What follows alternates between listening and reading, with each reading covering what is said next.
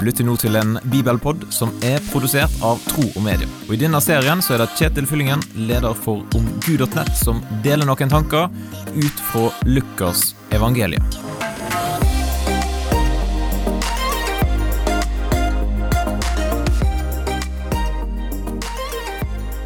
Alarm! Alarm! I militæret så var det få ord som satte oss fortere i bevegelse enn akkurat det ordet her, alarm. Når alarmen gikk, da endra det alt. Om du sov trygt i senga di, eller om du satt i teltet, når det ordet lydde, da kunne du ikke fortsette som før.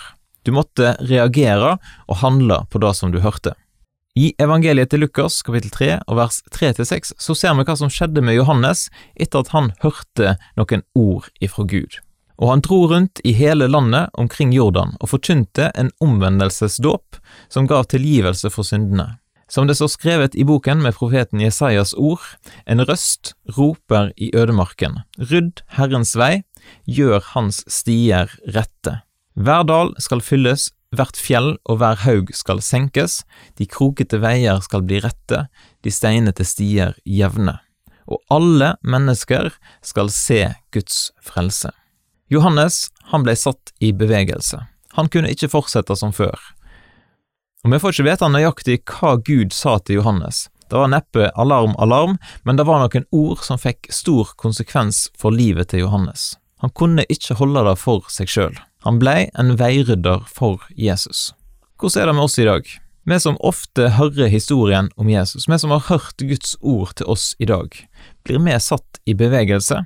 Rydder vi vei for Jesus i vårt nabolag? Hva tenker du om disse ordene her i Lukas kapittel 3?